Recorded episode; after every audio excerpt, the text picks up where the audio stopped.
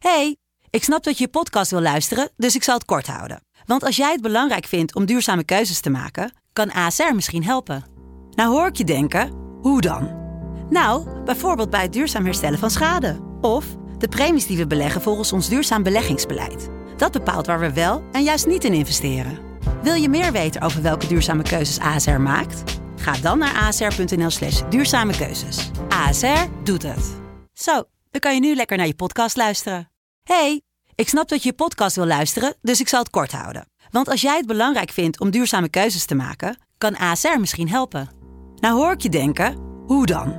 Nou, bijvoorbeeld bij het duurzaam herstellen van schade. Of de premies die we beleggen volgens ons duurzaam beleggingsbeleid. Dat bepaalt waar we wel en juist niet in investeren. Wil je meer weten over welke duurzame keuzes ASR maakt? Ga dan naar asr.nl/slash duurzame keuzes. ASR doet het. Zo, dan kan je nu lekker naar je podcast luisteren.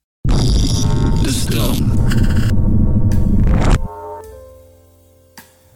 Soms als ik boos ben op iemand of op iets, niet altijd, soms ben ik te boos, maar soms is er een moment van helderheid. Een microseconde tussen vurige gevoelens, een kalmte, een stilte die spreekt en zegt: Ben ik boos op iets of op iemand? Of eigenlijk op mezelf en mijn tekortkomingen?